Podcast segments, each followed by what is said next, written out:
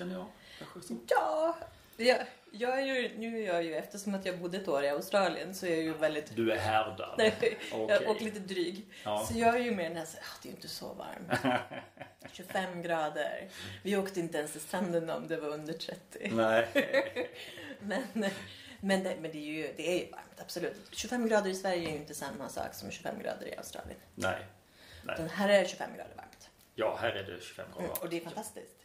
Ja, det är lite, jag känner mig lite överrumplad av eh, sommaren här. Jag hängde i alla fall undan dunjackan igår åtminstone. Så att, Mm. det känns som att den kommer jag inte använda något mer i, i under sommaren här. Jo, det kommer du få. Tror du det? Det är svensk sommar. Det kan komma och gå så. så. ja, jag Jag det. tänkte faktiskt det på, på midsommarafton. Mm. För då, de spelar så otroligt mycket svensk musik på, på radion. Och då Ja. tänkte jag att man pratar ju en hel del om att vi borde byta ut. Vi borde byta ut eh, Sveriges nationalsång. Så, Och, och byta ut den till, till, till Norges nationalsång. öppna landskap. Jaha, Den ja. diskussionen förs ibland. Ja, den kommer lite då och då. Den kommer lite då och då. Ja. För det första tycker jag att det är spännande att man då, det, kommer ju, det är ju väldigt aktuellt just nu att man vill riva bort gamla statyer och göra nytt och sådär. Ja, så det är ju nästan ja. lite, toucha lite där. Ja. Men jag tänker ju att om man ska välja en ny nationalsång Mm. då borde vi ju välja Thomas Ledins Sommaren är kort. För det finns liksom ingenting som, som eh, är mer svenskt än den låten. nej, det finns nog lite olika åsikter om den Ja. saken. Så att det lär Ja. konkurrera med, med olika. Och det har ju funnits ganska så många olika nationalsånger. Eller det finns det ju Mm. egentligen. Men ju det, den, Du gamla och fria som är den officiella. Mm. Med sina fyra verser som faktiskt inte sjungs utan det är mest två verser. Ja, nu, nu kommer det fram med lite Ja. mer med sångkunskapen. Ja, precis. Ska vi börja med att säga välkommen till eh, vår podd eh, Ogenomtänkt. Ja. Mm. Och det här är en, en eh, hyllning till samtalet. ja. Jag, ty- jag njuter av de Ah. orden. Alltså. Jag, jag tycker det är så fint. Ja, och vi är inte ute efter att ha starka åsikter utan Nej. tvärtom bara försöka vända och vrida. Men samtidigt kunna vara obekväm. Mm. Och det får gärna vara lite obekvämt. Jag är ju, min teori i livet är ju att när det är obekvämt, oavsett om det handlar om att man tränar eller att man tänker eller att man känner. Men när det är lite obekvämt så får man, det är liksom, det är liksom en, en signal. Nu, nu blir det utveckling. Mm. Så det är någonting positivt. Ja. Att man känner att nu blev det obekvämt. Mm. Man behöver inte känna sig kränkt. Utan tänka, oh nu kommer det lite utveckling. Ja, ja men så kan man tänka och jag tränar på det för jag har nu lätt att smita undan eller hitta andra utvägar och sådär. Så att Mm. eh, ja, när det blir obekvämt då, då, då vill jag fly på något vis. Och så. Mm. Eh, oftast har jag aldrig kommit undan men jag har försökt. Mm. Eh, ja, Ja, Precis. man utsätter sig för mer obekvämt i små doser ja, där man kan. ja. Och apropå det, Mm. jag satt faktiskt på vägen hit och lyssnade på en podcast Mm. eh, som vi har pratat om ibland. Mm. Och som också var lite ett frö när vi började. Mm. Mm. Jag Men det- mina aningar. Ja, Navid Ja, Modiris precis. eh, Hur kan vi? Ja. Vi, vi var ju till och med, han, han har ju han har ju tagit fram eh, begreppet att man provpratar och vi hade ju Ja. faktiskt som idé att kalla Ja. programmet för provtänkt. ja, Sen blev det ogenomtänkt. ja, Som syftar på att det inte är klart. just det. Mm. Eller, Det är en det konstant en- process. Är det ju. Ja, men jag lyssnade och jag kände bara väldigt starkt att jag vill rekommendera det. Mm. Det avsnittet.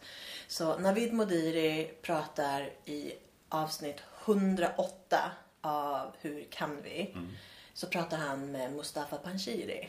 Och det är en av mina favoritdebattörer i Sverige. Mm.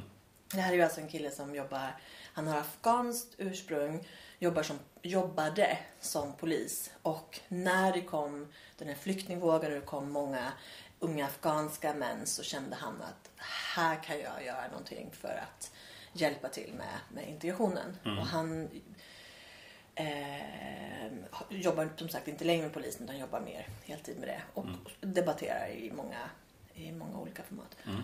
Och han har kanske den vänligaste rösten Mm. att lyssna på.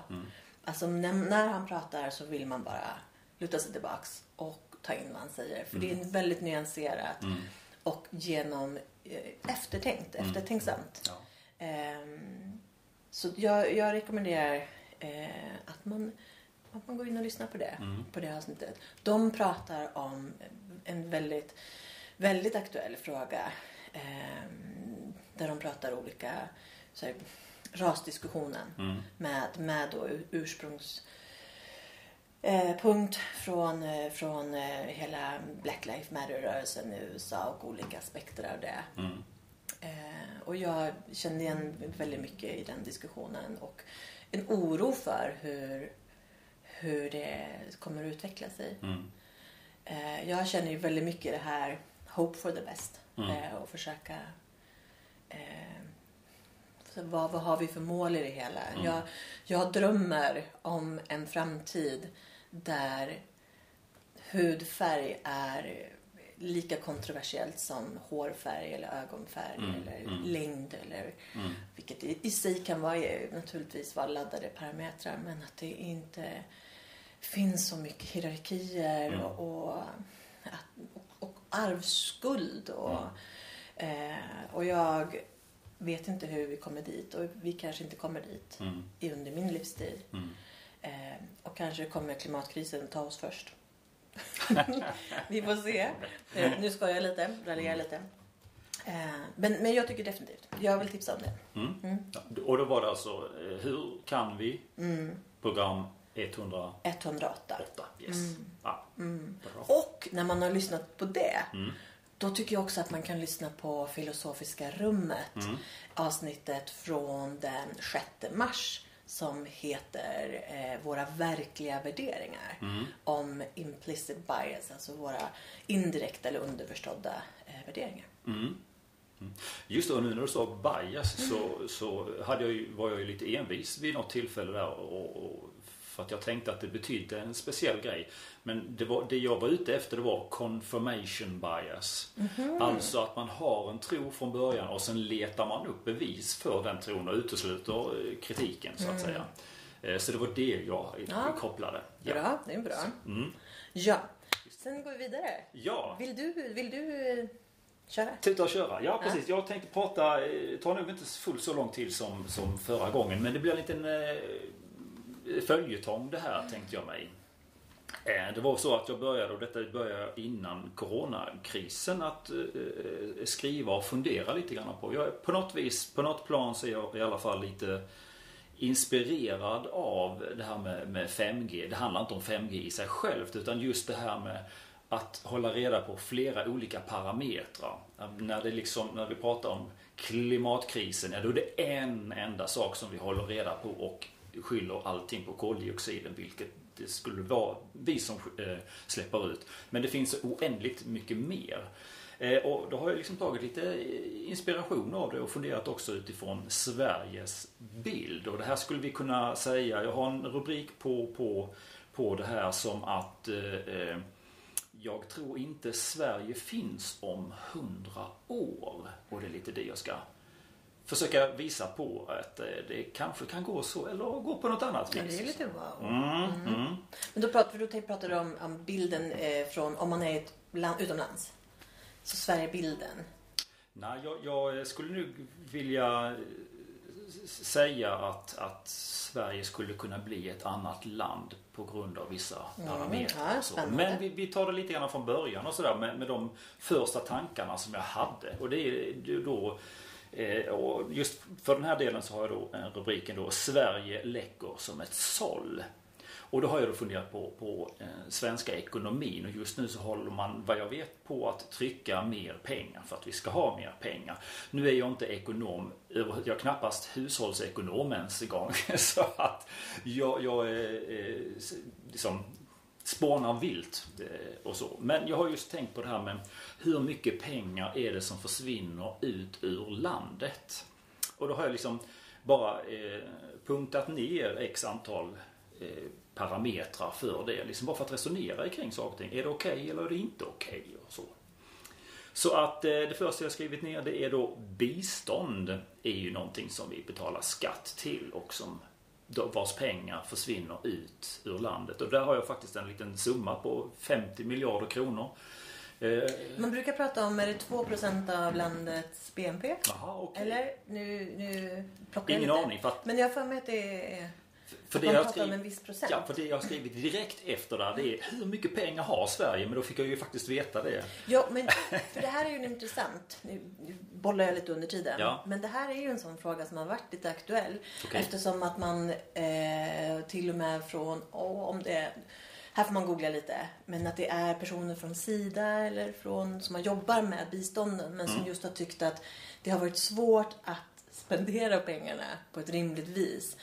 Eh, just för att man har satt upp att det är det här beloppet utifrån eh, den här procentsatsen. Mm. Så här många procent lägger vi på BNP.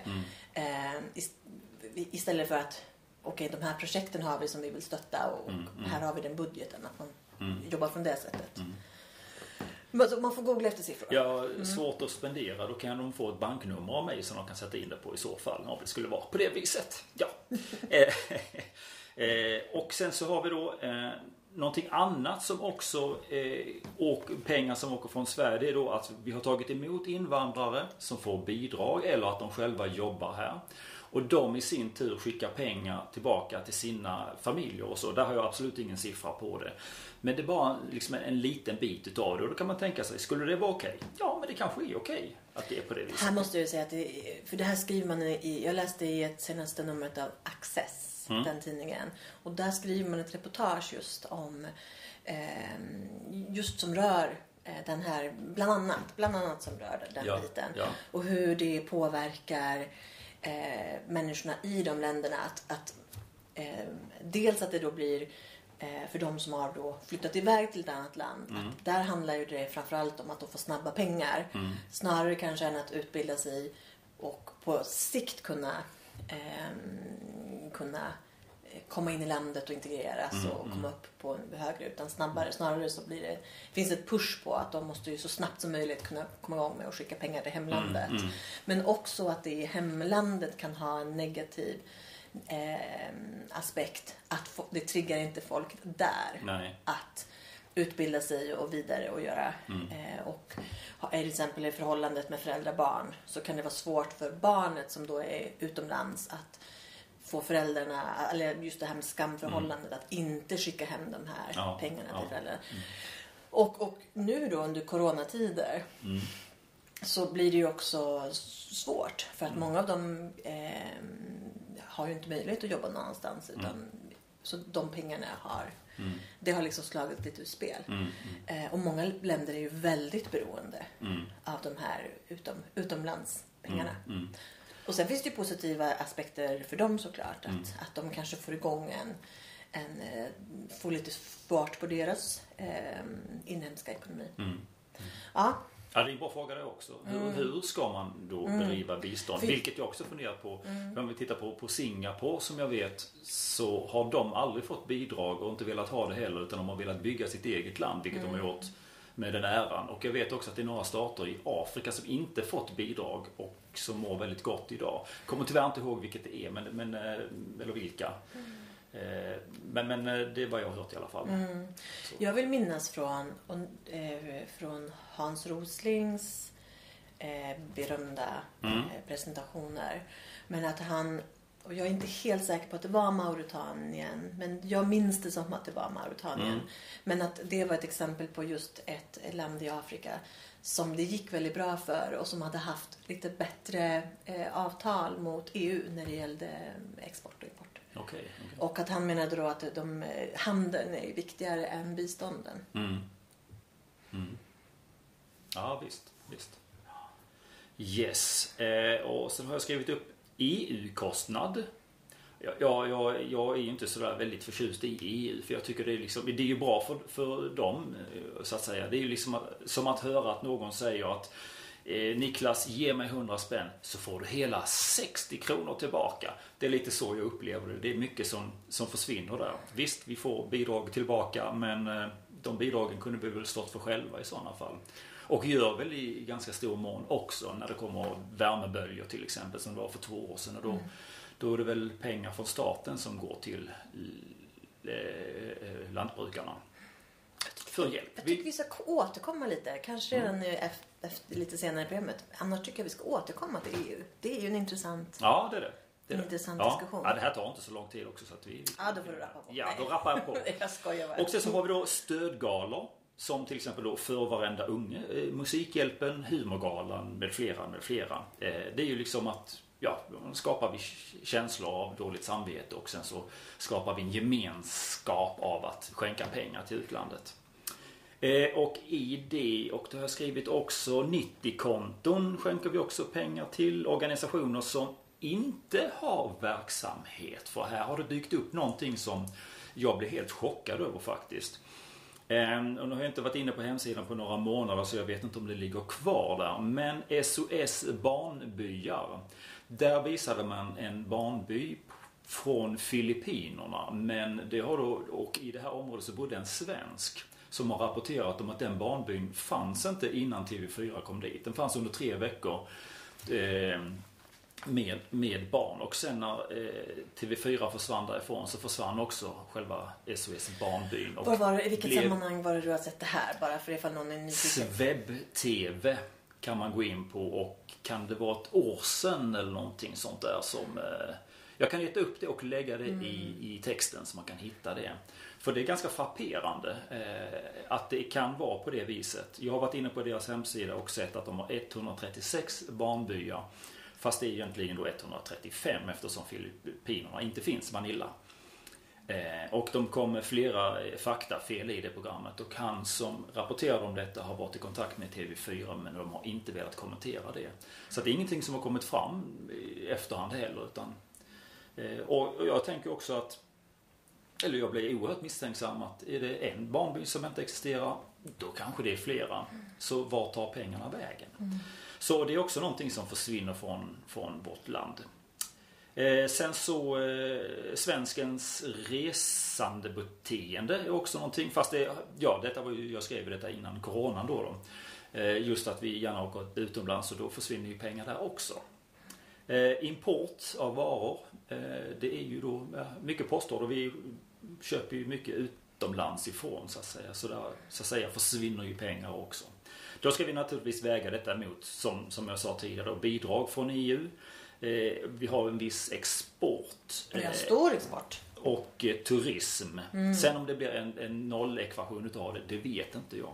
Jag tror faktiskt Men, att exporten är, att Sverige är väldigt stor på stora Ja, okej. Okay, okay. mm. det, så där är ja, mycket. Ja. Och då tänker jag liksom med de här sakerna där pengar går utifrån landet. Att ja, vart och ett av de här är kanske okej. Okay, men hur är det med alltihopa? Det blir så hyggligt mycket av alltihopa. Så det var egentligen den frågan som jag ville Jag skulle vilja jag, ja, väcka. Jag, jag, jag tycker ju, jag, det här läcker kanske inte ut ur Sverige. Men, men jag tycker ju att eh, en, ett pengaläckage som jag tycker är relevant det är ju just eh, olika administrativa ja. liksom, inom, inom stat och kommuner och, och landsting och även inom privata företag så förekommer det. Men just när det ja. bara nu har jag tagit valt Men nu är det mer att, ut. Ja, precis. Mm. Bara från Sverige och ut. Mm. Och sen så har vi då klickage inom landet också mm. som jag tänkte ta upp vid ett mm. annat tillfälle. Ah. Så, att säga. Ja. Ah. så jag ville bara väcka den tanken. Vad, vad gör vi med våra pengar egentligen? Mm. Och, eh, ja, är okej okay i ena fallet men inte andra. Eller är okej okay i bägge? Ja, många bäckar små blir ju mm. någonting väldigt stort. Ja, import och, jag är ju väldigt positiv till handel. Eh, sen så går det ju att ställa väldigt många följdfrågor mm. och diskutera mycket kring det. Mm. För att jag är... Eh, och här kommer vi in på lite klimatfrågan. Eh, för jag tycker ju som princip så tycker jag ju att människan ska resa så mycket som möjligt. Mm. För att det, det, jag anser ju att det ligger någonting djupt i vårt DNA att vi vill upptäcka världen. Annars mm. skulle ju inte vi ha spridit oss på det sättet som, som vi har. Eh, och att det finns en sån otrolig lust hos människor, inte alla såklart, men att, att se världen, att förstå. Och när vi kommer någon annanstans så, och ser andra människor, möter andra mm. kulturer. Och framförallt att vi kanske möter andra kulturer där, mm. där man själv är. Mm. Hej, jag är liksom, det är jag som är den udda. Mm. Eh, och kommer dit och ser och får liksom så här Nu får jag bara respektera att det är på det här viset. Jag kan inte komma på dyvla mina idéer. Nej. Eller hur, hur jag Nej. är van. Precis. Utan, utan så här ser det ut här. Mm. Eh, och bara ta in. Mm. Jag, jag tror att det är en sån viktig, Mm. otroligt viktigt. Däremot så tycker jag in, rent principiellt inte att saker behöver resa. Saker. Saker, Ja, ja. saker har ingen glädje. De får inte ut någonting av Nej, att de nej. reser. Framförallt så tycker jag inte om att, man, att luft och vatten reser. Det ser jag liksom ingen poäng med utom i sitt eget Mm. flöde. Mm. Men att, att skeppa Mm. eh, varor som innehåller onödigt mycket vatten. Mm. Och nu tänker jag till exempel som läsk Ja, och mineralvatten, sådana saker. Mm. Det är helt absurt att man, Mm. att man gör det Mm. i den utsträckningen. Men också när du har förpackningar som är eh, ja, men 30 procent är, är bara rent luft. Du öppnar och är så här, vad hände här? Mm. Och så står det på förpackningen att ja, omskakningen kan ha gjort att eh, det har sjunkit ihop något. Mm. bara, ja, men kanske att ni kan skaka om den när ni fyller den. Mm. Mm. Så att ni får bättre fyllnadsgrad. Mm. Varför håller vi på och skickar så mycket luft? Mm. Eh, det ser jag ingen poäng med. Jag har aldrig tänkt på det. Eller jag har ju tänkt på det när jag har läst eh, förpackningarna. Liksom, Att det kan sjunka ihop och så. Mm. Eh, Ja nej men det är ju som du säger att ja men gör en mindre förpackning. Ja, ja. Och kan man... Jag kan ju, och där finns det ju liksom eh, så, så mycket att fundera på. Och, och också när det gäller då... Och nu under corona så har det blivit väldigt aktuellt med både livsmedel som importeras och exporteras. Och, eh, och det pratas väldigt mycket om närodlat och så vidare. Ja. Eh, och, och där tycker jag att det finns, det finns jättemycket att diskutera. Eh, men, men handeln är ju extremt viktig för andra länder. Och jag kan, när man till exempel, när vi hade mm, valet då till EU. Mm. Eh, det här var ju innan jag fick rösta. Mm. Eh, och jag var, var väldigt skeptisk Mm. till EU. Mm. Och en av anledningarna var ju just att, för jag har aldrig sett EU, EU som ett, någon form av fredsprojekt utan jag har ju sett det som ett rent ekonomiskt projekt som ska gynna dem Mm. eh, Europa som jag ändå tänker att jag, det är ju ett område som, som ändå har ganska stora förmåner redan innan. Mm. Eh, och att man kanske positionerar sig mot då områden som har sämre. Det tycker jag kanske inte alltid är... Alltså det får man ifrågasätta och Mm. just med länder i Afrika är väl en sån, Mm. en sån fråga. Ehm, så att jag, jag kan tycka att definitivt att man då hur man gynnar andra länder. Jag läste nyligen om att Danmark till exempel har eh, angående invandring så har de tagit lite nya grepp på hur man ska handla mot, eh, mot olika regioner eller mot Afrika. Just för att ge länderna där bättre ekonomiska för, fördelar så att Mm. människor inte behöver migrera Mm, på grund mm. av ekonomiska skäl. Mm. Och sådana aktioner tänker jag har väldigt mycket att vinna. Ja. Ehm, men, men, jag, ja, men sen så har man ju Sen har vi parallellt med all den här Alltså den här lite okynnesshoppingen som ändå Jag tänker på Förstår inte alls vad du pratar om. men, Shoppa sig lycklig. ja, men, och, och, Ja, jag känner mig lite ledsen när jag går och shoppar. Ja. Ja, men jag tänker också det har, som så här, det har ju från, från Kina till exempel så, och jag tror att de har, om de är väldigt låga eller om de till och med gratis transport, eh, fraktkostnader. Mm. Eh, för att de har förr räknats som en fattigare region och de reglerna ligger kvar. Eh, så det är ju väldigt billigt att beställa saker Mm. från Kina. Och folk beställer eh, så här små paket kontinuerligt. Mm. Eh, så, oh, vi hittar det här. Jag ju, vet ju knappt vart man letar liksom. Men, Nej, jag hade funderat på det också. Det, det har jag ingen aning om. men, eh, faktiskt. men det, det, det är ju väldigt mycket Mm. Små paket med alla möjliga små saker som skeppas. Ja. Ehm, och där tycker jag, jag tänker, jag tänker att det är, ja, det, är- det är ju det är, ju, det är ju som sagt det är en del av, av att man ökar välståndet på en plats. Att Mm. man har en fungerande handel. Mm. Men det är ju också en, en oändlig tillförsel av prylar. Mm. ja, det är det. Och jag tänker mig att, att man behöver lite pyspunka inom handeln. Att eh, man säger att vi kan, vi kan inte konsumera samma volymer för att det håller inte miljömässigt. Eh, men samtidigt så behöver människor eh, kunna leva på sina löner i de här regionerna. Mm. Så vi får liksom då får vi acceptera lite att priserna går upp Mm. samtidigt som vi inte konsumerar lika mycket. Mm. Så att man kanske på ett stora hela så spenderar man kanske samma summa men på mindre, Mm. mindre grejer. Men det där är ju jätteintressant. Mm. Eh, Jag hoppas ju lite nu efter covid att, och corona att det är någonting som man eh, kanske kan komma fram till mer. Mm. Mm. Ja, jag har ju tänkt eh, att jag skulle läsa ekonomi någon gång i mitt liv. För att lite grann förstå mig på den och handel och hela kittet. och så. Mm. På, på lite lagom låg nivå sådär som jag kan. Jag tycker det är svårt. Ehm, och angående EU så, och det här är så otroligt länge sedan. Men angående EU, jag, som jag hörde ett litet samtal med en ekonomiprofessor Mm. eh, angående eh, att, vara, att ha en, en monetär union. Mm. Och där de pratade om att, att du behöver kunna uppfylla om det var fyra faktorer för att det ska fungera. Mm. Ehm, och en av de faktorerna var ju att folk är beredda att flytta Mm. i regionen. Ja.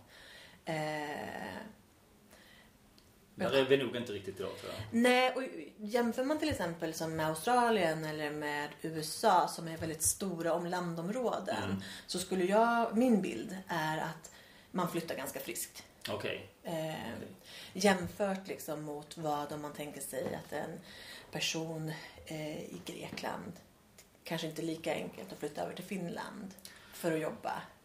Ja, där, vi har ju språkförbistring då Språk inom Europa. Det har man inte i USA. Nej, det sättet i det kan fall. också Det mycket vara- och så. Eller Det kan ha varit en av de, de, de, vad heter det, en av de andra faktorerna. Ja. Jag kommer inte ihåg. Det var väldigt länge sedan. Mm, det måste ju mm. varit 15 år sedan eller Mm, någonting mm. som jag lyssnade på det här.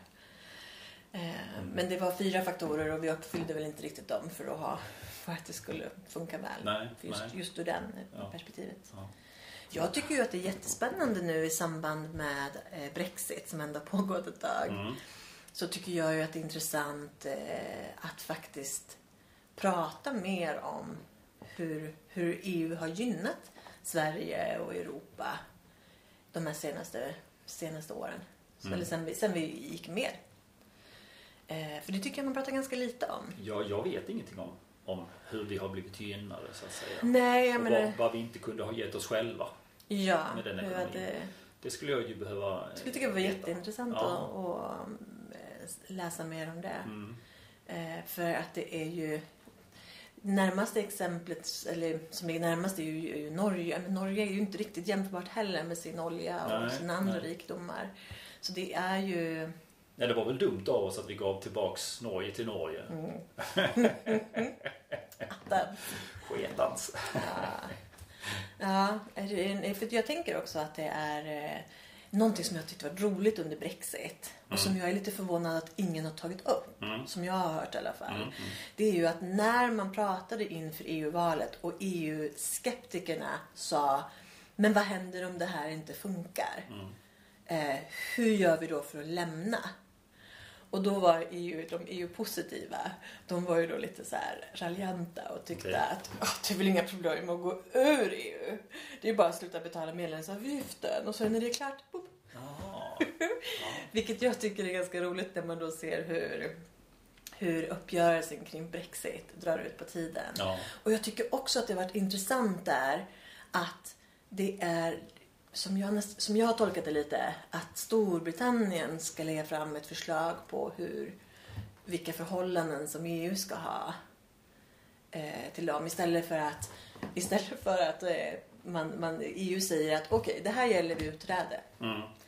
Eh, utan det är någonting som är förhandlingsbart Mm. och som förmodligen är förhandlingsbart för varje land Mm. beroende på vilket det är. Mm. Det kan jag ju tycka är lite diskutabelt. Mm. Jag tror att alla är chockade också. Vi har liksom inte varit stått inför det och ingen har förmodligen tänkt på det tidigare heller. Jag tror inte ens att man har tänkt liksom, som, som, vad var det, det började det? Det var ju andra, andra världskriget och det var väl Storbritannien och Frankrike och något land till som startade det här. Och då har man väl aldrig tänkt att Storbritannien skulle gå ur heller. Nej. Men att något land skulle vilja lämna tycker inte jag skulle vara Nej. alldeles... Nej, Så att, att man står liksom lite handfallen när det är ett Mm. land som säger att vi, vi vill faktiskt inte vara med. nej. det är ju, det är ju spännande. Mm. Mm. Mm. Ja. Mm. Men jag tänker, tänker att det är intressant med just som du pratar om då. För jag har ju också tänkt tanken, tanken, jag vet inte om du tog upp den som en parameter med eh, tiggeriet. Eh, nej, det gjorde jag inte. Nej. Ja, för det, det är också, jo, det, det, är en parameter och den kan jag egentligen ta till nästa gång med det som sker inne i, i, i Sverige så att säga. Ja, fast jag skulle säga att där, där är det definitivt att det lämnar. Ja, precis. Jo, lämnar ja, Sverige. precis. För där kommer jag fram till en annan grej som jag såg i Sundbyberg här nu. Att tiggeriet i Sverige, det, det kostar. Det har jag redan varit inne på just med att man uppfinner en papper, papperskorg som man inte kan rota i. Eh, Man får alltså betala extra för det. Nu så är en ytterligare en grej som man får betala extra för. För i, i ett eh, brofäste, eller under ett brofäste i, eh, i Sundbyberg, där har man då där, där tiggarna har sovit under nätterna. Mm. Där har man då eh, istället svetsat upp galler så man inte kan komma in under där överhuvudtaget. Och då är det också ytterligare en kostnad så att säga. Mm. Som, som kostar. Men det, det är liksom det är skattebetalare, det är pengar som fortfarande är kvar här så att säga. Men det känns lite olyckligt att bygga bort sådana saker. Där, där, ja, istället för rotande så tänker jag ta bort panten istället så, så är det ingen som kommer att rota. Ja, För det är ju det man är ute Ja, efter när man, när man rotar där. Mm. Det kan säkert vara mat också men, men eh, tror att det har mer med, med panten att göra. ja det, det tror jag också. Det är absolut. Mm. Eh, nej men sen tycker jag att det är väldigt, jag tycker ju att det är spännande att ställa frågan vad har till exempel biståndet, vad har det gett? Mm. Ehm, för, och, och det är ju en ganska, det är en ganska kontroversiell fråga. Eh, skulle jag säga. För det är ju, jag tror ju att det, det ligger väldigt mycket i olika nationers självbild. Att få vara det här landet som ger bistånd Mm. och att ha de här hjälpinsatserna.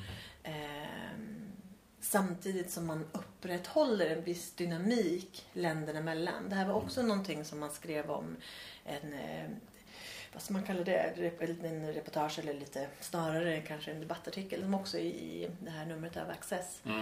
Eh, där man pratar om att ja, men nu, nu i coronatider så blir det kanske tydligare att varje land och varje regi- region till synes och sist eh, är eh, ansvarig för sitt eget område. Ja. Och att det, det ansvaret Mm. måste man ta. Mm. Eh. Jo, jag funderar mycket på det just det här med biståndet också. Hur det används. Mm. Hur kan vi bistå andra människor på bästa möjliga sätt? Mm. Ehm, och just där kommer in på det som att ja, men som Singapore inte fick bidrag utan de har klarat sig väldigt bra för de har varit tvungna att skapa sin egen situation. Mm.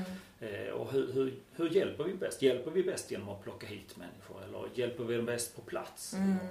Ja, jag tycker till exempel att Bodyshop är ett väldigt spännande företag Mm. eh, som, som, som samarbetar med eh, ja, men åker till olika regioner och köper in råvaror och samarbetar med framförallt med fokus på kvinnorna i Mm. de områdena och försöker göra någonting på det sättet. Alltså Mm. att man hjälper med handel. Mm.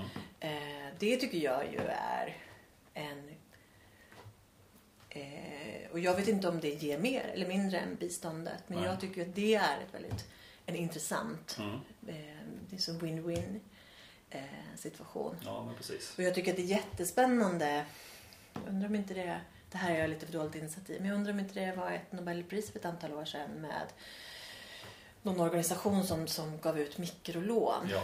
Ehm, eh, och det tycker jag också är spännande att man inte, man, man har inte den strukturen att man bara ger förbehållningslöst. Och det var mikrolån till kvinnor.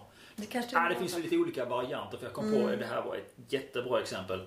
För då, då visade det sig då att ja, det var någon kvinna som hade fått mikrolån och sen så väldigt god kontakt med de andra kvinnorna som också hade det. Och då var det så att hennes man hade snott de här pengarna och gick och söp upp dem. Mm. Varpå hon samlade ihop alla kvinnorna och gick och skällde ut honom. Så att eh, han blev nykterist på kuppen skulle jag gissa. eh, och för det, det var någon som skojade till och sa det. Ja, så många kvinnor vill man liksom inte ha emot sig. Det går liksom inte. Mm. Eh, och, och som någon sa också att, att kvinnor är mer eh, eh, ansvarsfulla när det gäller pengar liksom, och betala tillbaka Mm. och att rätt är rätt. Liksom. Så att eh, ja, det finns en riktigt bra tanke bakom Ja, det men här. det där tror jag är... Jag, jag, jag har ju berättat förr att jag Eh, jag läste ju en bok som hette eh, någonting med antiloper. Eh, men det är en bok som då handlar om, och det, är en bok i, i, i det finns flera böcker i det ämnet men jag har bara läst den, den sista då. Men det är ju, är ju en bok som handlar om Rwanda och Hutu och Tutsierna. Eh, och författaren eh, har ju intervjuat både, både överlevande Eh, och, eh, och mördare som har suttit, i, suttit av eh, viss tid i fängelse och sådär. Eh, men han försöker liksom hålla en ganska... Och han är där över tid. Det, är därför, det finns ju flera som sagt böcker eh, i det här och han är där över tid och samtalar liksom återkommande med samma personer. Eh, och han berättade, eller i den där boken så, som jag läste så stod det bland annat, vilket jag tycker är då spännande just med tanke på hjälporganisationer och bistånd, vad det faktiskt får för konsekvens. Och då beskrev han hur, hur eh, de lokala skrädderierna konkurrerades ut av de här donerade västerländska kläderna som, kunde, oj, oj. som då hade liksom eh, tillskanskats på något sätt och sen såldes till, eh, till ja, billiga priser. Ja. Men det, det, det konkurrerade då ut de lokala. Och det där är ju, det är ju problematiskt. Ja, det är det verkligen. Eh, för det finns ju en sån enorm vilja att göra gott. Ja. En sån mycket god intention. Mm. Men vad som faktiskt blir gott i slutändan är Ja. ju komplicerat. Ja, verkligen. verkligen. Och hur, hur gör man? Och jag menar, det är ju bara att se på politiken som har drivits i Sverige. Liksom. Mm. Att även på hemmaplan så kan det slå väldigt fel. Mm. Men när man dessutom ska göra det x antal led bort. Mm, mm.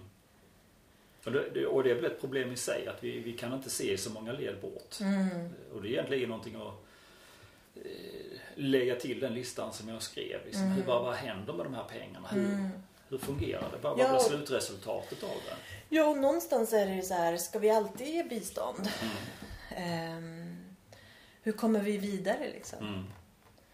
För det är ju också, det, det skapar ju den här, den här maktstrukturen mellan olika länder. De Mm. som ger och de som är beroende. Mm.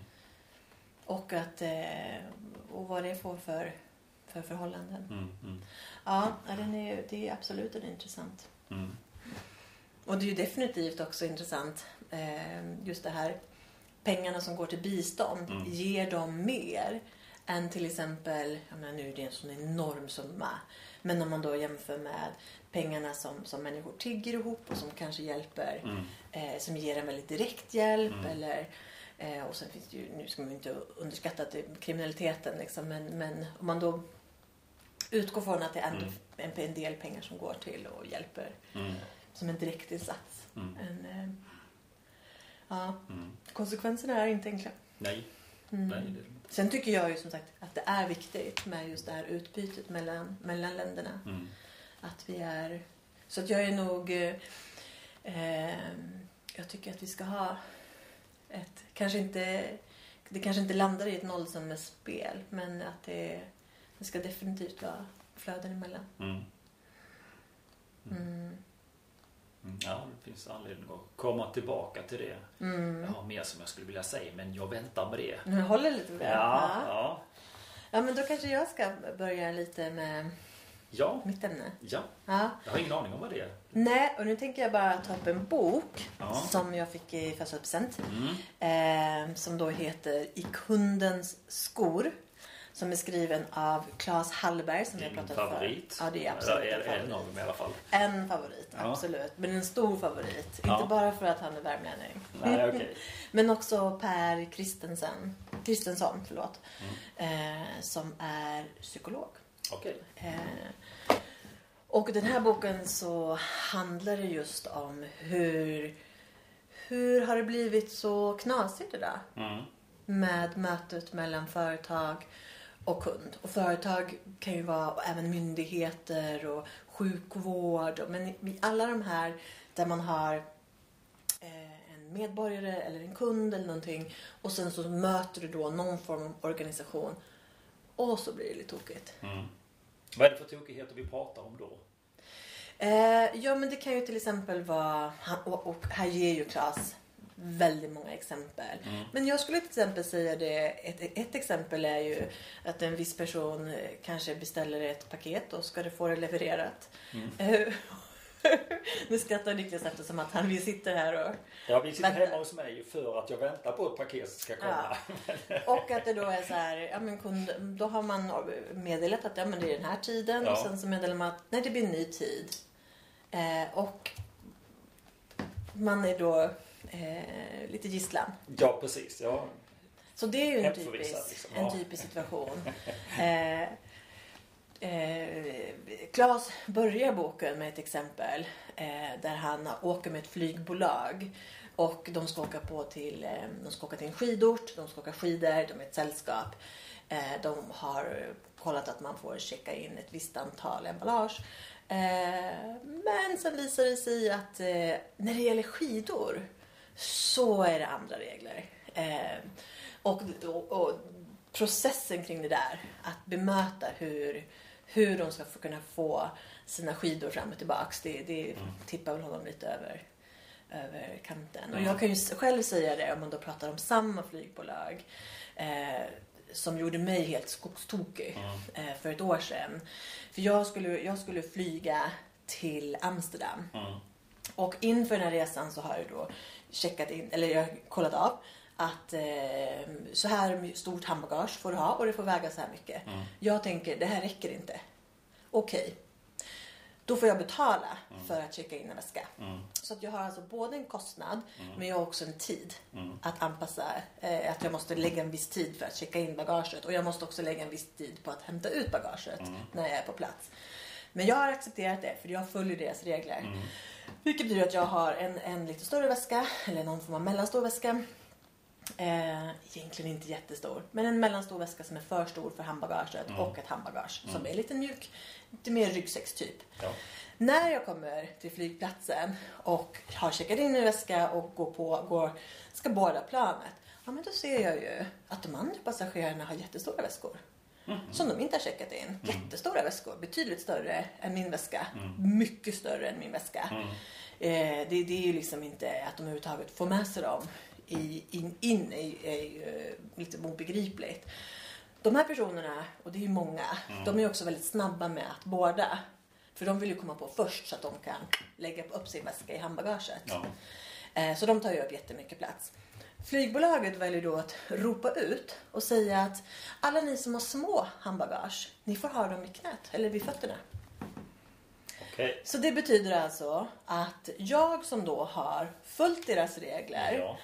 Har betalat för att checka in en väska. Jag betalar både ekonomiskt och jag betalar med min tid. Jag får alltså sitta med mitt lilla handbagage ihopklämd. Jag kan inte röra benen överhuvudtaget för jag sitter dessutom på en liten usel plats. Så jag kan inte röra mig överhuvudtaget. För att alla de här personerna som inte har följt deras regler ska få utnyttja sin frihet. Vad är detta för någonting? Vad är det? Och där är det ju en sån tydlig. Och det handlar ju någonstans om att de har skapat regler men de vill inte ta det här obekväma. Nej. Att säga hörni, ni måste faktiskt följa här. Så väl på plats. Och det är väl typiskt då att det är ett, ett eh, flygbolag som jag tänker mig att kanske är lite gröna. De vill inte ta den här. Eh, De, de vill inte skapa ett irritationsmoment på Nej. plats. De vill inte ha arga kunder. Så istället så får de då kunder. Mm. De straffar ju kunderna som, som är ordentliga. Mm. Och jag kommer inte flyga med dem igen. Nej. Nej. För att det här var inte första gången. Nej. Okej, aha, det var så pass. Okej. Mm, det var lite mer extremt den här gången. Ja. Men det var inte första gången. Eh, så det är ju deras policy. Ja. Ehm, jag har varit med om en, en liknande sak. Jag, jag, jag kan testa det så får vi se om, om det passar in i det här då. För, för jag tänker på det här med att ta eget ansvar över sitt eget liv. Ehm, och då var det så att jag eh, mådde dåligt på en arbetsplats. Eh, och eh, tar då, för att göra en lång historia kort, mitt ansvar och slutar på den arbetsplats helt enkelt. Eh, däremot så har jag då fått höra i, i efterhand om att det har varit andra som har varit svåra att samarbeta med på, på den arbetsplatsen och då har arbetsplatsen köpt ut de här människorna för mycket stålar. Det är ju naturligtvis hemligt så att det vet jag ju inte hur mycket. Men då blir jag lite sur. Jag som har tagit ansvar och slutat får inte en spänn. Medan de som har varit svåra att samarbeta med har fått mycket för att sluta. Det har jag varit lite irriterad på. Mm. Ja, det är ju samma härad att man belönar det dåliga beteendet. Ja, men precis. Och också skulle jag säga i det, här, i det fallet så handlar det väl om facket. De har ju inte rätt att sparka dem. Nej, det, det är ju LAS som, som, som man lutar sig mot ju. Mm. Eh, Så att ja, det där har varit lite irriterande. Mm. Ja, så är det. Ja. Men jag är inte bitter. Nej, det är jag faktiskt inte. Men Mm. jag har tänkt på det några gånger. Det har jag gjort. Ja, nej, men det, och, och I den här boken så, så tar de upp lite olika situationer och just också lite situationer på där företagen verkligen har där man har mött personer som har räddat situationen Mm.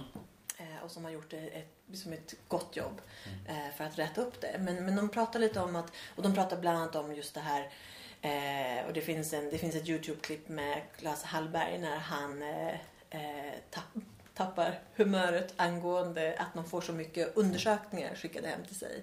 Webbundersökningar. Ja. Eh, och att han är så här... Eh, han tar som exempel att eh, när man reser att man då får, ja här har jag här får jag en, en utvärdering på hur, hur min upplevelse Ja, var ja. på att boka det här hotellet. Ja. Inte ens att bo utan hur det är Nej. att boka hotellet. Ja. Bara, ja, det var väl inte spirituellt direkt. utan jag var glad att det funkade. ja, Jag fick ett rum.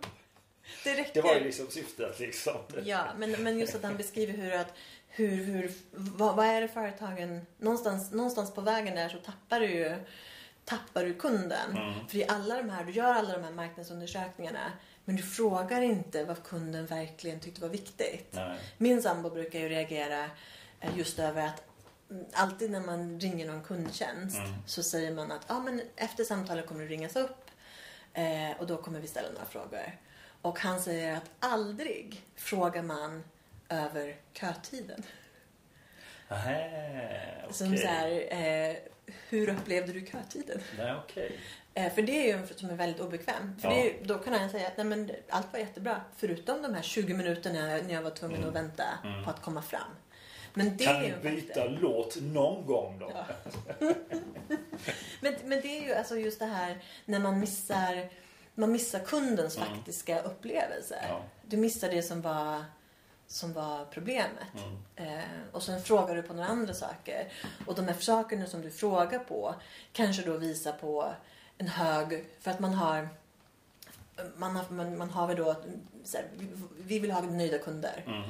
Ja, men då tar vi fram fyra parametrar Mm. eh, som, som vi tror pekar på att kunden eller korrelerar med att kunden är nöjd. Mm. Och sen vill vi ha de höga betyg på de här fyra parametrarna. Ja. Och har man bara det, då är man nöjd. Och Ja. någonstans på vägen så tappar man kunden Ja. och tycker bara att nej, men det är de här värdena Mm. som är väsentliga. Vi, vi ska ha höga betyg där, då är vi nöjda. Men Är det inte så att de sitter och analyserar vilka frågeställningar de eventuellt kan få högt på och vilka de kan få lågt på? Ja, så plockar det- man bort de låga. ja, Jag har faktiskt ett exempel på det. Det är ju ytterst sällan jag gör sådana här enkäter. För jag tycker att eh, ska jag göra en enkät då ska jag ha betalt för det också. Eh, Men i det här fallet så gjorde jag det i alla fall åt ett eh, företag som hyser resor över Östersjön. Eh, Och, eh, vilket jag tycker var väldigt trevligt och sådär. Och en av frågorna det var ju då hur, hur mycket en frukost ska kosta. Eh, Ska den kosta 100 kronor? Eller 120 eller 140. Det var det enda som gick att kryssa för. Ja, 80 spänn hade inte gått liksom. Och jag satt faktiskt och bara skrattade åt det. Hur man styr frågorna eller svaren snarare. Så att, ja, så var det med det. Ja. Nej, men jag tycker att det här, och jag skulle säga att det här är ju verkligen en... ja, Det, det är ett boktips. Mm. Eh, att läsa den. den Den var inte så tjock heller. Nej, den är inte så tjock. Den är väldigt... Är eh, det bilder i den? Jag skojar. Den är, den är ganska, de varvar ju också upplevelser och, Mm. och eh, lite mer teori bakom och lite olika studier och sådär. Ja. Och så presenterar de ingen färdig lösning men de presenterar lite olika tankar och idéer. Ja. Eh, och en sak som de fokuserar lite på, de får, de får ursäkta om jag tycker att, att jag spoilar lite. Men jag säger det ändå. ja, gör det. Eh, men de fokuserar en del på rädsla. Mm. Och de pratar om rädsla på olika nivåer, alltså en individuell rädsla och att en rädsla liksom är i organisationer och sådär. Och där tycker jag att det är intressant för de, de menar ju, och Claes han har ju föreläst tidigare och han har ju till exempel haft en föreställning som heter Hångla mer. Mm. Och där han menar då att hångla mer är ju en, en eh, vad, vad kallar man det? En, eh, inte synonym, men en liknelse Mm. för att ta lite mer risker. Eh, när man hånglar så kan det bli liksom lite slafsigt och man kan tänderna slår emot och det, men, men det, Och det börjar blöda och... det, är, det är passionerat. Ja. Eh, och att man, att man ger, kanske mer spontant och, och att man ger sig hän lite mer. Eh, det finns ju också, där har han ju också skrivit böcker eh, som är intressanta. Eh, men, så han, han, men han menar ju liksom just att rädslan kommer i vägen för oss. För när vi ser liksom någon, vi ser en kollega som har en ny frisyr så kommer spontant tanken att åh, jag borde tala om att det är en fin frisyr. Men sen kommer nästa tanke. Tänk om hon tycker att jag hade, Tänk om hon då anklagar mig för att hon hade en ful frisyr innan. Eller man säger att åh vad gott det luktar. För då brukar jag lukta äckligt. Eh, att man, att man, och, och så blir man lite tveksam och sen är ögonblicket borta. Eh, och han menar liksom så här, vi behöver komma förbi den där rädslan. Det skulle jag också säga. Mm. Eh, och också att eh, ja, om, om personen reagerar på det sättet så är det ju faktiskt i den personen det är. Mm. Alltså intentionen från mig är ju det viktigaste i det läget. Ju. Mm. Inte att påtala att eh, personen luktar, luktade illa och nu luktar gott. Utan det är ju en tolkning som den personen gör. Ju. Mm. Så att, det- och det är väldigt kul när man väl kommer sig för att göra det. Alltså man får ju väldigt bra kontakt med människor. Var helst man är någonstans. Mm. Har man intentionen så funkar det. Och jag har märkt också att har jag mått dåligt och försöker skämta med en annan människa då funkar det inte riktigt lika bra. Så det, det tycker jag är väldigt intressant just för vad är det som händer på min insida i de Ja. Men och det är just väldigt där kul också. när man, när man är ute och liksom ger en komplimang. Snygg jacka, ska vi byta eller? Ja men det händer någonting. Jag Ja. tycker också att det man borde liksom sikta på, alltså verkligen ha nästan som ett faktiskt mål att minst en gång om dagen Mm. Ja, så, ska jag, inte? Ja. så ska jag någonting. Jag läste i en, ledarskapsbok för länge sedan där det var som ett litet tips att ha eh, tre eller fem så små mynt som man då har i vänster ficka. Mm. Och sen varje gång som man talar om för någon att de har gjort någonting bra, Mm. man har gett liksom positiv feedback, så flyttar man ett mynt Mm. till andra fickan. Och sen så är målet att alla mynten ska flytta över. Ja. Bara för att ha någonting konkret. Ja, att visst. påminna sig själv Ja, om det. Och ja, det kan man ju göra med komplimanger också. Ja, oh ja. Ehm, säga någonting som någon värmer. Mm. Men, men sen pratar man också just det här om att ha en rädsla inom organisationer. Mm. Där man kanske inom organisationen att man ger, man ger medarbetarna eh, dåliga förutsättningar för att eh, vara måna om kunden. Mm. Eller att man... Eh, ja, eh, för, för han säger, det säger också det att, att om man ger människor utrymme till att ta egna initiativ och jobba utifrån sitt sunda förnuft. Mm. Då blir det ju också en risk att man gör fel. Mm. Eh, Men om du däremot sätter upp liksom så strikta ramar och så specifika situationer. I den här situationen så ska du göra på det här sättet. Och i den här situationen ska du göra på det här sättet. Och i den här så blir det på det sättet. Då, gör man ju, då boxar man in personen och gör Ja. att när det uppstår en händelse så kan de inte agera. Nej. Och de, om de dessutom får bli bestraffade för att de gör fel.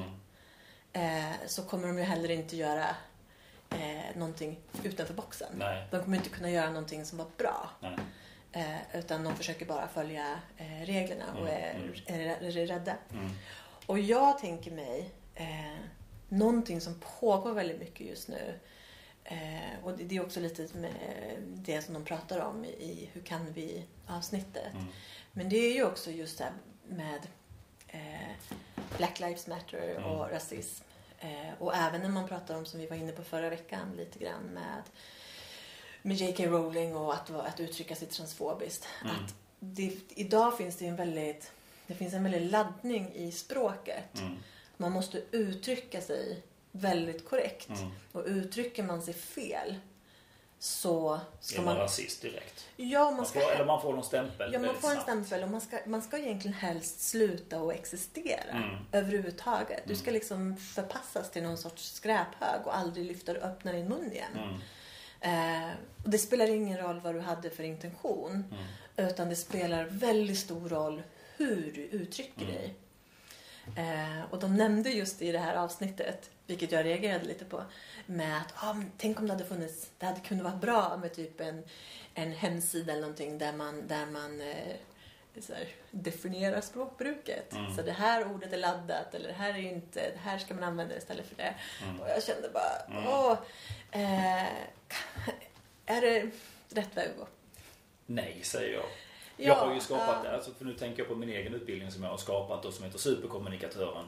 Eh, Och det handlar just om att skapa ett eget resonemang kring Mm. saker och ting istället för att lyda liksom något slags regelverk eller bete sig på ett visst sätt med, med tvång som Mm. inte är jag själv.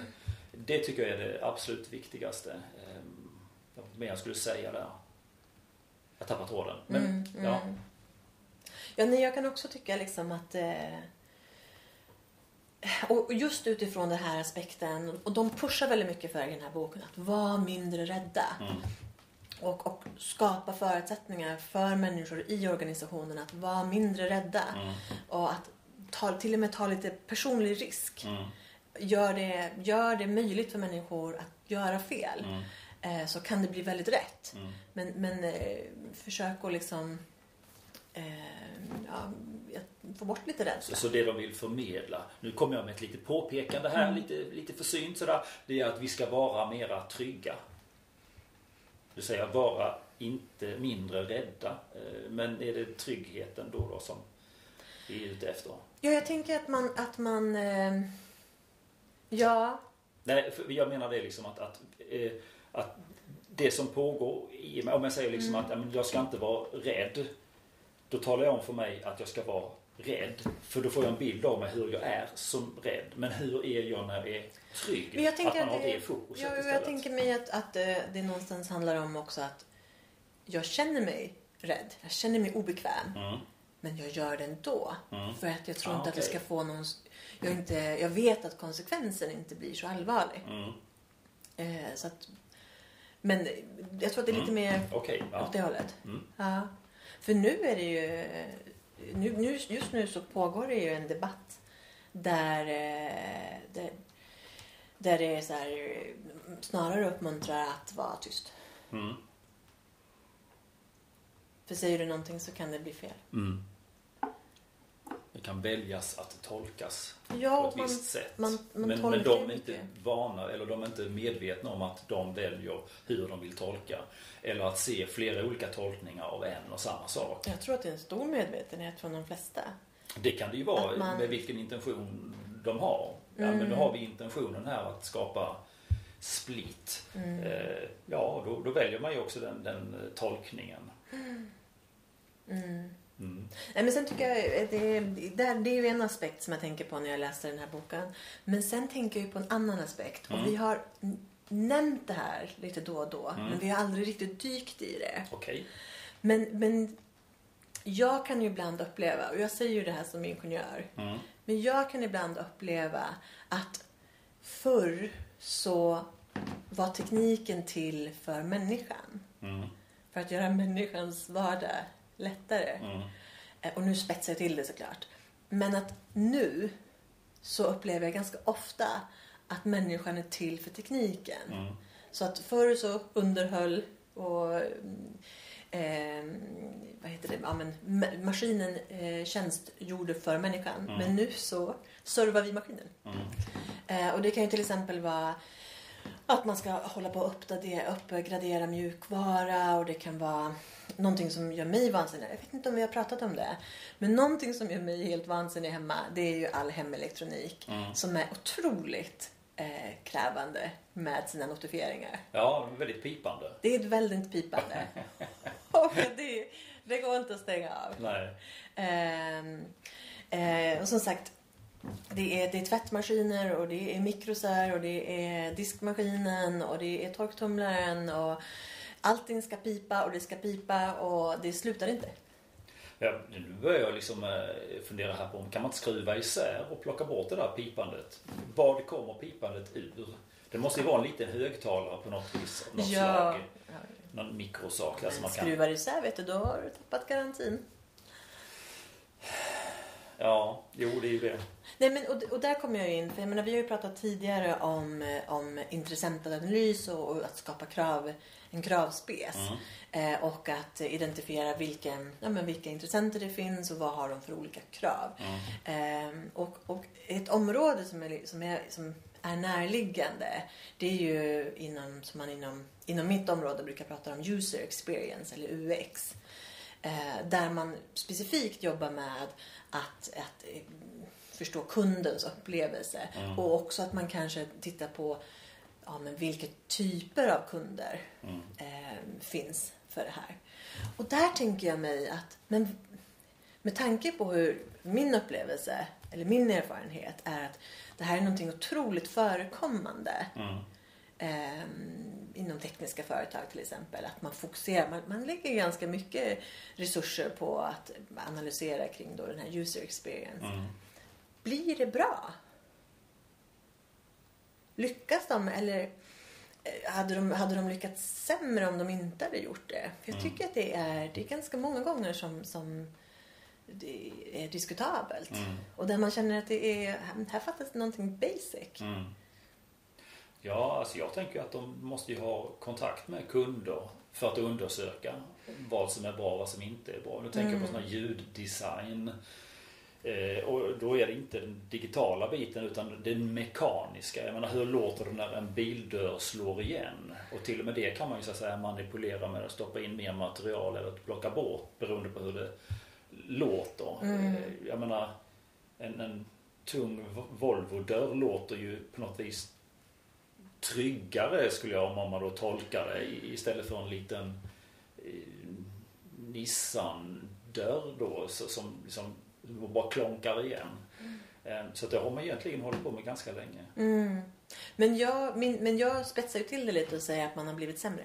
Ja, Eh, och att man, vilket jag upplever ibland, och jag kan uppleva det i många områden. Mm. Men att det, man, man, det, finns en, det finns en åsikt om att man vet bättre än kunden.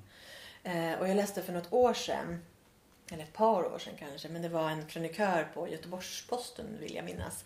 Som beklagade sig över alla uppgraderingar som krävdes på hans, på hans eh, datorer Mm. och telefon och så vidare. Han beskrev hur han varje morgon liksom, jag bara, jag, jag pallar inte. Nej. Jag pallar inte med alla uppgraderingar. Telefonen vill bli uppgraderad och datorn vill bli uppdaterad. Jag orkar inte, jag bara säger nej tack senare. Ja. Eh, och det, det som jag reagerade då var att det var någon som, en ingenjör som hade kommenterat eh, i fält, kommentarsfältet och sagt, var, var lite upprörd och bara, det är jätteviktigt, jätteviktigt att man uppgraderar. ah, du måste uppgradera, bara gjort! Mm. Eh, och där kände jag just att, men okej, men nu, nu, nu hör ju inte du. Den här personen tycker att det är för antalet uppgraderingar sker alldeles för frekvent. Mm, frekvent. Det är för ofta. Ja. Eh, och att det faktiskt är kanske snarare någonting som du skulle behöva ta tillbaks till din verksamhet och säga kan vi göra det här mer sällan? Mm. ja, just det. Ehm, Jag har ett annat exempel där när det gäller det här med- med kundkontakten. Att man kanske har tappat kundkontakten. Eh, för många år sedan så vet jag att man började mulla potatisen. För att det skulle på något vis se lite naturligare ut som om det kom från jorden direkt och in till kunden. Och då så att man hade tvättat potatis som man sen smutsade ner. Smutsat ner den ja, precis. precis. Och då, då hade man sagt att ja, nej, kunden vill ha det så här. Mm. Men sen i en undersökning så visade det sig att kunden ville inte alls ha det så de hade bara gissat sig till det där. Mm. Eh, för jag vill inte betala för mull när jag liksom skopar över i påsen. Liksom. Så att eh, det, det försvann. Det försvann av den Mm. orsaken. Så att eh, det, det är ju mycket möjligt att man, man anser sig vara lite bättre. Blueberry är väl en telefon eller något företag i USA. Eller var i alla fall. Jag vet inte om det existerar längre. Blueberry, då tänker jag ju på ett företag som jobbar med, eh, med utbildningar. Ja, Mm. detta var det inte. Nej. Utan det var, de tillverkade telefoner. Jag tror det är vanligare i, i Amerikaområdet än, än här. Eh, och då var det så att de blev så styva i korken att de sa att det är vi som dikterar eh, eh, vad kunden ska ha för någonting Mm. och sådär. Och den aktien den föll ju pladaskt rätt ner. Så att ja, det gäller väl att inte kolla, tappa kontakten med kunden helt enkelt. Mm. Ja, man har ju sett flera sådana exempel. ehm, där... Och det här ligger ju också väldigt mycket i tiden. Med att ehm, företagen vill, vill ha budskap som, eh, ja, där man, som är politiska. Mm. Att man vill, man vill agera rätt i tiden politiskt. Mm. Och sen så kliver de lite fel. För, ehm, för det är ju, det bygger ju också på vad du har för, vad du har för målgrupp. Mm. Eh, och om du då vänder dig åt ett politiskt budskap som inte passar målgruppen så kommer ju de att känna sig trampade på. Mm. Och det finns ju ett antal sådana såna exempel. Gillette är ju ett sådant exempel. Eh, SAS med den reklamkampanjen som de hade för några månader sedan. Eh, ett annat exempel eh, där man konstaterade att det finns ingen svensk eller skandinavisk kultur. Just det. för ja, att ja, eh, vi har ju liksom kopierat det från alla andra länder. Ja, just det. Just det. Vilket kändes så här. "Eh, Hallå där. 2015 ringde och vill ha tillbaka sin, sin ideologi. Har vi inte kommit ifrån det nu? Fyra år senare, fem år senare. En klassiker det också. Liksom. Eh, men men det, folk blev Ja, rosenrasande. det var ett ramaskri. Eh, ja, och, och, och där är det ju jättespännande med just här är det, det är alltså en till, en, reklamkampanjer är ju till för att sälja. Mm. Men, och, och de anlitar PR-byråer som lägger enorma summor tid för att ta fram någonting. Mm. Och sen får det motsatt effekt. Mm. Det måste ju, alltså jag tänker de företagen, aktieägare, ägarstrukturen Ja, måste ju riva sitt hår. Borde ju haft någon sån här testgrupp, tänker jag. Ja, ja man, det, det är ju väldigt märkligt när det går igenom. eh, Ja, ja. Att det kommer ut på det sättet. Men, och det, att just att det finns så många just exempel. Eh, men någonstans tänker jag, ja, de tappar kontakten med, med sina kunder. Mm. Mm. Mm, Mm. ja. Nej, vi ska se. Jag tycker vi ska mm, kan återkomma mer någon gång till just det här med, med tekniken. Jag, jag, Alltså jag tror ju att vi kommer att återkomma till allting förr eller senare. jag tycker vi plockar upp lite trådar då och då och sådär. Och nu är det ju bara det 20 programmet dessutom. Så att eh, vi har väl en del kvar då kan jag gissa. Mm. Mm. Ja. Hade du någon eh, annan fundering? Nej, För jag hade... in, in, inte idag. eh, Nej. Utan det, det kommer senare. Men då, någonting som jag funderade lite på in, eh, under veckan. Mm. Eh, för förra gången pratade vi om lite dualitet. Mm. Och det är ju väldigt, väldigt förekommande i naturen att man har som motsatsförhållandena. Men så tänker jag när det gäller någonting där man har en, vad ska man säga, en treenhet. Är ju mm, när du har offer, skurk och hjälte. Vilket är ju narrativ, alltså det är ju egentligen berättelsen, eller stommen kanske man ska säga, för Mm, väldigt mm. många berättelser. Mm. Och sagor och, och historier. Att du har, du har någon som, som är utsatt och sen har du någon som eh, är boven och så någon som räddar dem. Mm. Det är ju klassiskt prinsessan och draken och Mm. prinsen. Ehm, Ja, just det. Just det. och där tycker jag det är ju, Jag tycker att det är spännande hur det, hur det används. Så här, om och om igen. Mm. Och, hur, och då tänker jag till exempel ehm, i miljörörelsen där man har Greta Thunberg som är hjälten. Ehm, och offret, är- ja men det är ju barnen. Eh, Barnen kanske snarare än miljön, Mm. skulle jag säga. Mm. Men det är min tolkning. Mm. Eh, och boven är ju lite den vuxna generationen Ja, som har stulit det här från barnen. Mm. Och att man har, och andra sammanhang eh, också. Att man Mm. gärna, nu tappar jag lite exempel på det. Men jag, jag Mm, tycker att det är intressant.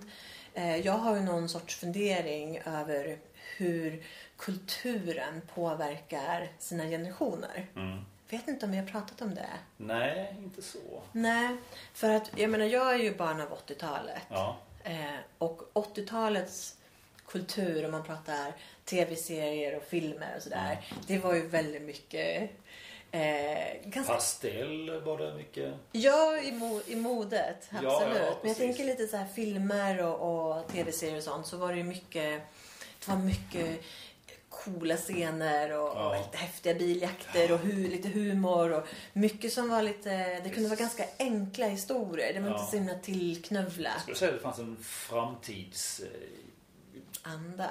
ja, Mm. positivt för framtiden och sådär. Ja, och mycket, men mycket, mycket lite, eh, lite tokiga scenarier. Där man, där man känner att ja, men här har manusförfattaren de ser framför sig en liten rolig situation. Mm. Till exempel att man har Whoopi Goldberg Mm. som nunna. Det vore kul. Mm. Hur kan vi komma dit? Ja, men om vi tänker oss att hon är eh, nattklubbsångerska och sen blir hon hotad och då sätts hon som skydd. Mm. Ja, men då är vi där. Då, då, blir det, då blir det kul med, när hon är bland de här nunnorna. och att det känns som att det fanns en hel del filmer som var lite på de premisserna. Vore, det, vore det inte kul om mor och dotter bytte kropp? Mm. Ja, hur kommer vi dit? Mm. Ja, vi hittar på. Det var inte så himla, det var inte så himla noga. Det är ju liksom. enkel dramaturgi. Ja, det är ju- enkel dramaturgi. Ja, och det är lite egentligen som om man försöker dra en parallell till Mm. mig här och det jag försöker säga just att, att man bara jobbar med klimatet så pratar man bara om det. Alltså det är väldigt enkel, eh, enkelt paket så att säga. Ja. Istället för att väva in hur många skatter vi betalar. Vad är det vi betalar för egentligen? Ja, för det ligger ju någonting i. För, för där kommer min nästa tanke då. Mm. Att om man då växte upp slutet av 90-talet och kanske snarare på 2000-talet. Mm. Så skulle jag säga att, att kulturen såg helt annorlunda ut. Där var dramatiken på ett annat sätt. Mm. Att där hade du mycket så här det här ödesmättade med hela Sagan om ringen-trilogin där du hade eh, den onde, eh, den skur, alltså skurken och offret och, och hjälten eh, på ett helt annat sätt. Och att man skapade, det var liksom ja, det onda mot det goda och, och, och kampen och det här, ja, men det här väldigt ödesmättade. Mm. Mm. Också förenklade. Det var en enkel dramaturgi Ja. även där men Ja. på ett helt annat sätt. Ja. Och det var så extremt, "Rä- nu ska vi rädda världen. Mm. Och jag tänker mig att det är de som är de unga idag. Ja.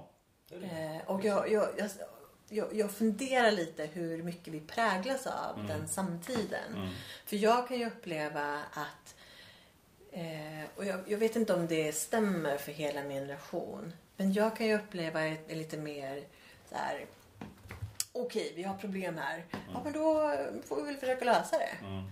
Då får vi ta oss an det lite taget. Men en kanske lite mer lättfattlig eh, syn på det hela. Mot att generationen efter är väldigt dramatisk. Sen kan ju det vara en, bara en ren ålder. Att när man är 20 att man är mer stridsrebellisk. Och, och sen när man är 40 så har man andra... Och så är det slut vid 50. Ja, då är det slut. Sen finns det inget mer. Ja, jag var väl rätt så stridbar i min, mina unga år. Mm. Mm. Mm. Nej men jag tycker att det är mm, och jag tycker att det är intressant just hur man vill för just när man pratar om miljön Mm. så skulle inte jag säga att det är så tydligt just med offer, skurk och hjälte. Ehm, och hur man har skapat det kring, kring Greta. Det, det tänker jag, det är ju det är ju någonting som jag tänker mig att hon kanske inte heller skulle vara så förtjust i. Ehm, och jag tycker att det är en väldigt det, det är ju inte en särskilt fruktbar väg framåt heller. Nej, nej. Ehm, Ja, men nu när du pratar om det. Jag har faktiskt aldrig tänkt på det här just med, med treenigheten eller den enkla dramaturgin och sådär. Mm. Men, men där blir ju liksom Greta hjälten och barnen där blir ju så att säga armén bakom som stöder henne. Mm. Och många andra organisationer för den delen också där vuxenvärlden är motståndaren på något vis som har skapat den här draken-klimatet Mm. som sägs vara dåligt då. Eller att, att, att det är en förstöring. Mm. Ja, och jag tänker som med Black Lives Matters-rörelsen. Där har man ju också den svarta gruppen som är offret. Mm. eh, Ja, precis. Och den vita som är, är förövaren. Mm. Och, och hjälten i det fallet blir väl just själva eh, rörelsen. Och nu lägger inte jag en värdering för att jag, jag eller jag, som sagt, lyssnar gärna på, på hur kan vi på det avsnittet. För Mm. där diskuterar de ju på ett väldigt intressant sätt. Ja. Eh, och det finns ju väldigt mycket att diskutera där. Så just, men, men jag tycker att det är intressant att man kan se eh, just lite den här, jag upplever att man kan se just den här dramatiseringen Mm kring det. Mm. Och jag tänker också att vi lever i en samtid där narrativet, alltså berättelsen, Mm. är väldigt viktig. Mm. Och jag läste i, i Filter, Mm. det, är ju, det finns ju en tidning som heter Filter. Mm. Och de eh, gör lite återkommande så granskar de olika föreläsare. Mm. Och lite ehm, eh, sanningshalten eller i deras, i Mm. deras manus och det de berättar. Mm. Och nu senast så kritiserade de en kille som då eh, han har byggt upp liksom sin, sin föreläsning kring vissa premisser som, som inte stämmer. Och Mm. mycket av det är, ja det finns ett korn av sanning men sen är det liksom eh, lite överdrivet eller plockat lite ur sitt sammanhang för att skapa dramaturgi. Mm. Ehm, och vi har ju pratat om det tidigare just till exempel med Linnea Claesson som blev väldigt kritiserad för att det visar sig, hon har ju ett konto med sitt konto där hon hänger ut ehm, eller visar upp eh, olika typer av förövare där eh, och situationer där, där eh, män kränker kvinnor. Okej, okej. Eh, och där hon blev granskad Ja, i nu ett sammanhang. börjar det komma tillbaka som litet minne här. Ja, hon blev ja. granskad, jag tror under hösten. Eh, så var det någon podd som, som granskade henne och sanningshalten i, i det hon la ut. Mm. Och konstaterade att det var mycket där som var överdrivet och Mm. att det var hopplockat från olika sammanhang. Och, Mm. Mm. eh, även om då, vilket är som sagt kärnan och, och eh, är, ju, är ju inte mindre väsentlig. Men hon har liksom boostat upp det lite Mm. eh, för att skapa mer, en, en starkare historia, mer dramaturgi. Mm. Och det var ju till och med med olika, ehm, vilket jag tycker också är intressant, att det då i det sammanhanget så att människor går ut och försvarar och säger att ja, men vi vet ju att liksom, Instagram är inte sant och, Mm. och sociala medier är, det handlar liksom om att skapa den här. Mm. Och då, det är ju också en fråga. Eh, är det så? Vill vi ha det så? Eh, där man liksom, den- det är ju klassiskt när man pratar om, om böcker också att man säger baserat på en verklig händelse. Mm. Bara okej, men hur, hur stor utsträckning? Mm. Hur stora friheter får man ta? Mm. Och speciellt när det handlar om en enskild person som går upp och säger det här är min historia. Men den är bara baserat. Det jag berättar nu är baserat på min historia. Mm. För vi vill skapa dramaturgi för Mm, att få en större effekt. Mm. Och jag tänker också lite, Det är ska det jag här... börja med omedelbart känner jag. Jag har ett jättetråkigt liv. Nu ska det bli liksom lite ping på det Ja, hela. att man drar på allting. Ja, ja. Men, men eh, oavsett så, alltså det, det, det skapar ju väldigt mycket känslor. Det är väl det man vill beröra då Ja. med, med det. För jag tänker liksom, det är ju vilken saga som helst. Som inte är sann, men den berör ju fortfarande. Och den har väl någonting att berätta med förstås. Men Mm. ja, Men är det okej att göra så? Så när är det inte okej? Mm. Ja, det var en bra fråga. Men, men för, då, för då tänker jag nu tillbaka på något annat poddavsnitt av det, som vi pratade om. Om just att det var någon i, invandrare med dotter som hade blivit bespottad och... Nej, vi pratar nej, det pratar vi om utanför. Det vi pratar om utanför, okej. Mm. Ja, ibland vet jag inte vad vi pratar om. Men, men just också hur sant var det? För att är det sant så var det ju förfärligt. Eh, Det var en, en kvinna med Ja, det här, barn. var, det här var, och jag tror att man kan gå tillbaks till SVT Debatt, för inte nu under juni. Mm, mm. Ehm, och eh, så jag, jag tror att det var en representant för, från Feministiskt Just det, så initiativ var det. Så var det. som Precis. uttryckte, ehm, för det här, var, det här var i samband med Black Lives. Matters demonstrationen i Göteborg. Och hon beskrev i, i det här samtalet att Eh, att hon hade, hon hade åkt med sin dotter. Och jag Mm. vet inte vad, om, om hon var, vilken, för jag såg, jag tror att jag bara, jag har bara hört det här på ljudupptagning men inte Ja, sett det. ja. Ehm, men hon uttryckte ju att när hon har åkt kollektivt Mm, så har människor spottat på henne mm, eh, och hennes dotter. mm. Ehm, och att hon, och hon beskrev det som i plural, alltså att det hänt flera gånger. Mm, Vilket mm. jag ehm, reagerade på. Ja. Att det just... För det är så otroligt starkt. Ja, det det. Att någon skulle... Det, det, det är ju så otroligt. Det är ju våld. Eh, Ja, ja visst är det det. Det är ju polisanmälan på ah, sådana saker. och det, det är ju... För det är ju förfärligt om det är sant. Ja, det är ju... Och, och För därför börjar jag liksom fundera på, på det också. Om vi säger pluralis. Kan det ha varit en gång eller? Det är fortfarande helt Ja, jag menar, vansinnigt. här, är- här handlar det ju liksom inte om att vi vill, eh, att vi vill eh, vad ska man säga, misstänkliggöra det på något sätt. Men det är ändå, det är ju någonting som sticker ut så enormt Ja, mycket ja. Att, att, en, att en människa skulle blivit utsatt flera gånger för att bli spottad på. Eh, av rasistiska skäl Ja. när man åker kollektivt. Och är det så så är det ju, det är ju horribelt. Om det är så. Verkligen. Eh, och jag, när jag hörde det så var jag tvungen att liksom tänka tillbaks och Mm. så här, för jag har ju ändå åkt mycket kollektivt Mm. i Stockholm Mm. under den tiden som jag har bott här. Mm. Under de senaste 10-15 åren. Mm. Eh, och jag har försökt komma på någon situation där jag har reagerat på att det Mm. skulle ha varit någonting i, närheten av Mm. det. Och jag kan inte göra det. Och det betyder ju inte naturligtvis att det inte har hänt för henne såklart. Nej, nej, visst, nej, visst. Och där kom jag ju på att för 30 år sedan när jag kom hit till, till Stockholm, det var absolut första året 91 och det är inte riktigt 30 år sedan men nästan.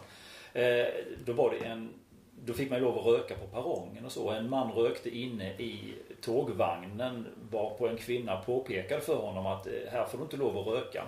Eh, till saken hör att hon var svart dessutom. Hur mycket det liksom hade med saken att göra, det vet jag inte. Men eh, han blev eh, skitförbannad på henne och du ska inte komma här och tycka en det ena än det andra. Och då bytte hon vagn helt enkelt. Och i den Men vagnen, använde han också rasistiska uttryck till henne? Inte vad jag kan komma ihåg. Mm. Eh, men men eh, hon bytte till vagnen där jag satt i alla fall. Och då, då följ, förföljde han henne. Jaha. Ja. Mm. Eh, Och jag hörde ju alltihopa och då satte jag mig hos honom och, och eh, ja, trakasserade honom helt enkelt. Eh, Stirrade blint på honom. Jag minns inte vad jag, om jag sa Nej. någonting utan eh, jag kan nog bli Ja, sån att jag bara blev tyst helt enkelt. Och sen var det han som klev av en station för, Mm. för, som jag gissar att han inte skulle utan jag var för besvärlig. Mm. Jag var skitförbannad. Ja, men det det. Men det är liksom Ja. enda, enda gången som jag har under alla dessa år som jag har varit med om någonting sånt. Mm. Och jag funderar också i det här, speciellt när man ändå pratar om att eh, så är det saker som jag inte ser, som har, som har skett. Ja, Som jag bara, som jag har gått förbi. Ja. Som har gått förbi mig. Ehm, jag kan liksom bara inte... Och som sagt, är det så att det är... Är det så att folk har det så, då är det ju fruktansvärt. ja det är det verkligen. Det är det Fruktansvärt. verkligen. Och då ser man någonting sånt så tycker jag definitivt att man ska reagera Absolut. Om man Absolut. kan göra det Ja. utifrån eh, Ofta är det väl så att man kan reagera på något vis i alla fall. Man kan alltid ringa 112. Är det på tunnelbana och så, så kan man ju gå till spärren och be dem eh, Ja. skicka efter vakter. Det har jag också gjort för den delen. Eh, När det var något slagsmål på G på en perrong. Då såg jag inte mig som personen att gå emellan i just det slagsmålet i alla fall. Mm.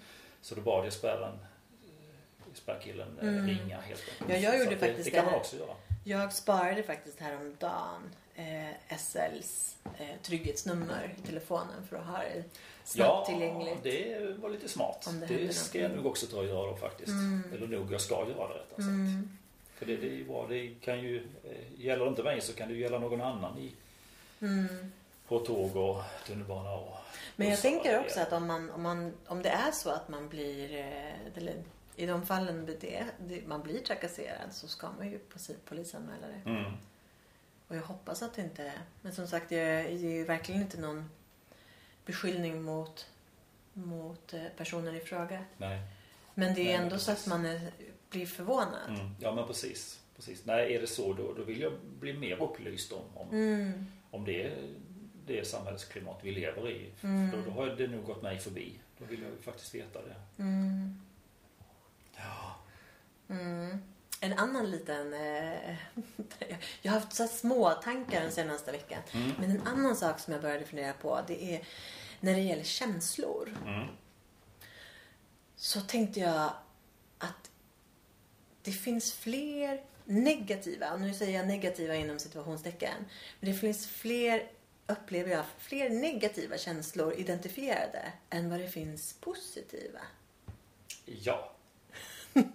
Om vi nu ska använda oss av ordet negativ och positiv. Ja, men... För, för i, i NVC, jag kanske ska gå igenom NVC vad det är vid något Ja, tillfälle. men, ja, ja. Jag tror faktiskt jag ska göra det, men då svarar inte jag på det. Nej. Utan då Vi tar kanske, jag ska det lämna det, faktiskt. vi kanske bara ska lämna det som en Ja. liten cliffhanger. Ja, men det precis. väl någonting som jag...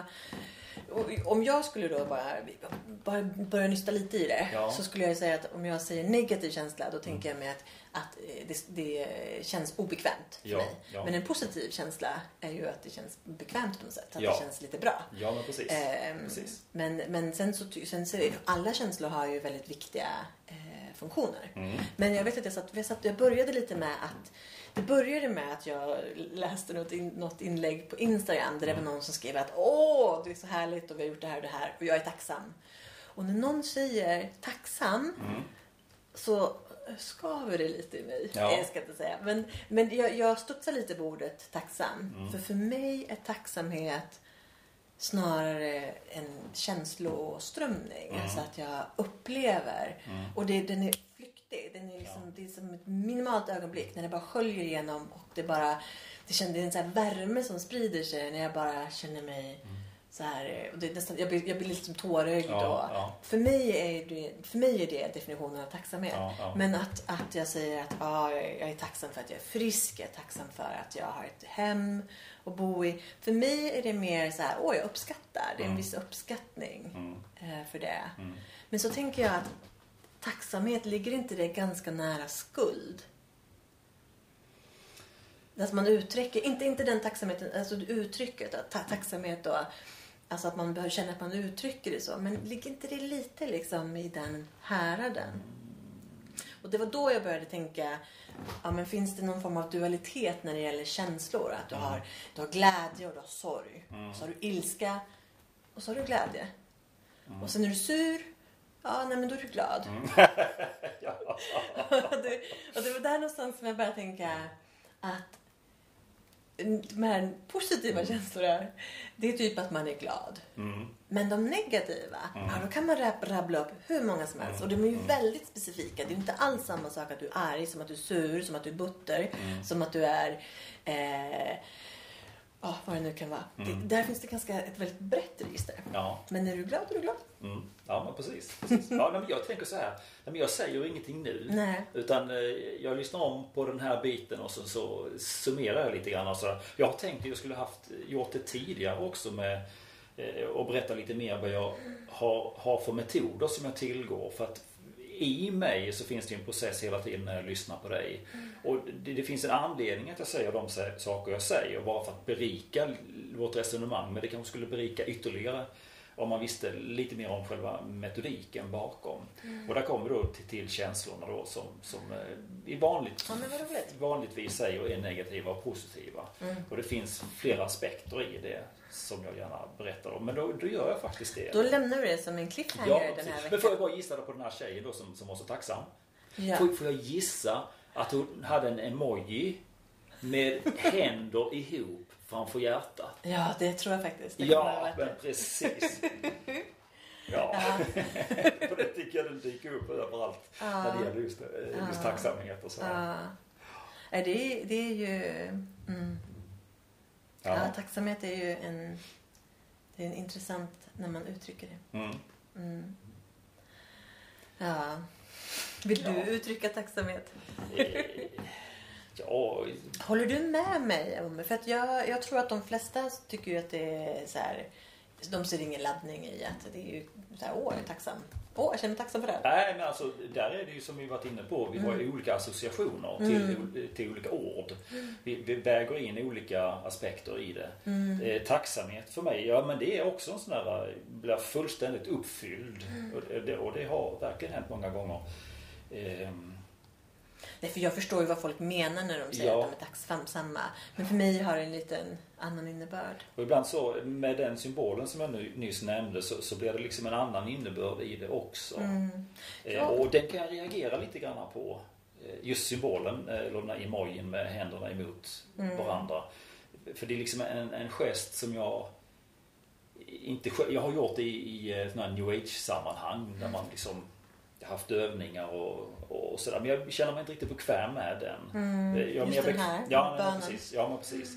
För då, då är jag liksom mer språkliga tacksamhet, ordet tacksam Mm. i sig själv som, som jag eh, associerar till. Ja, för den, när, man, när man just det här, jag brukar ju kalla det för Lucia-händer. Ja, men det, ja, men precis. När jag, jag vet att när jag, när jag började köra på Body Balance för länge sedan, Mm. när man då pratar på engelska om prayer hands, Okej, okej. så föredrar jag att använda begreppet Lucia-händer. Ja. Lite också för att när i Sverige när man ber en bön, då knäpper man ju händerna. Ja, precis. Så att, så att prayer hands använder ju inte vi, Nej. förutom i Lucia-sammanhang. Ja, nej, precis. Eh, men det är ju någonstans att man...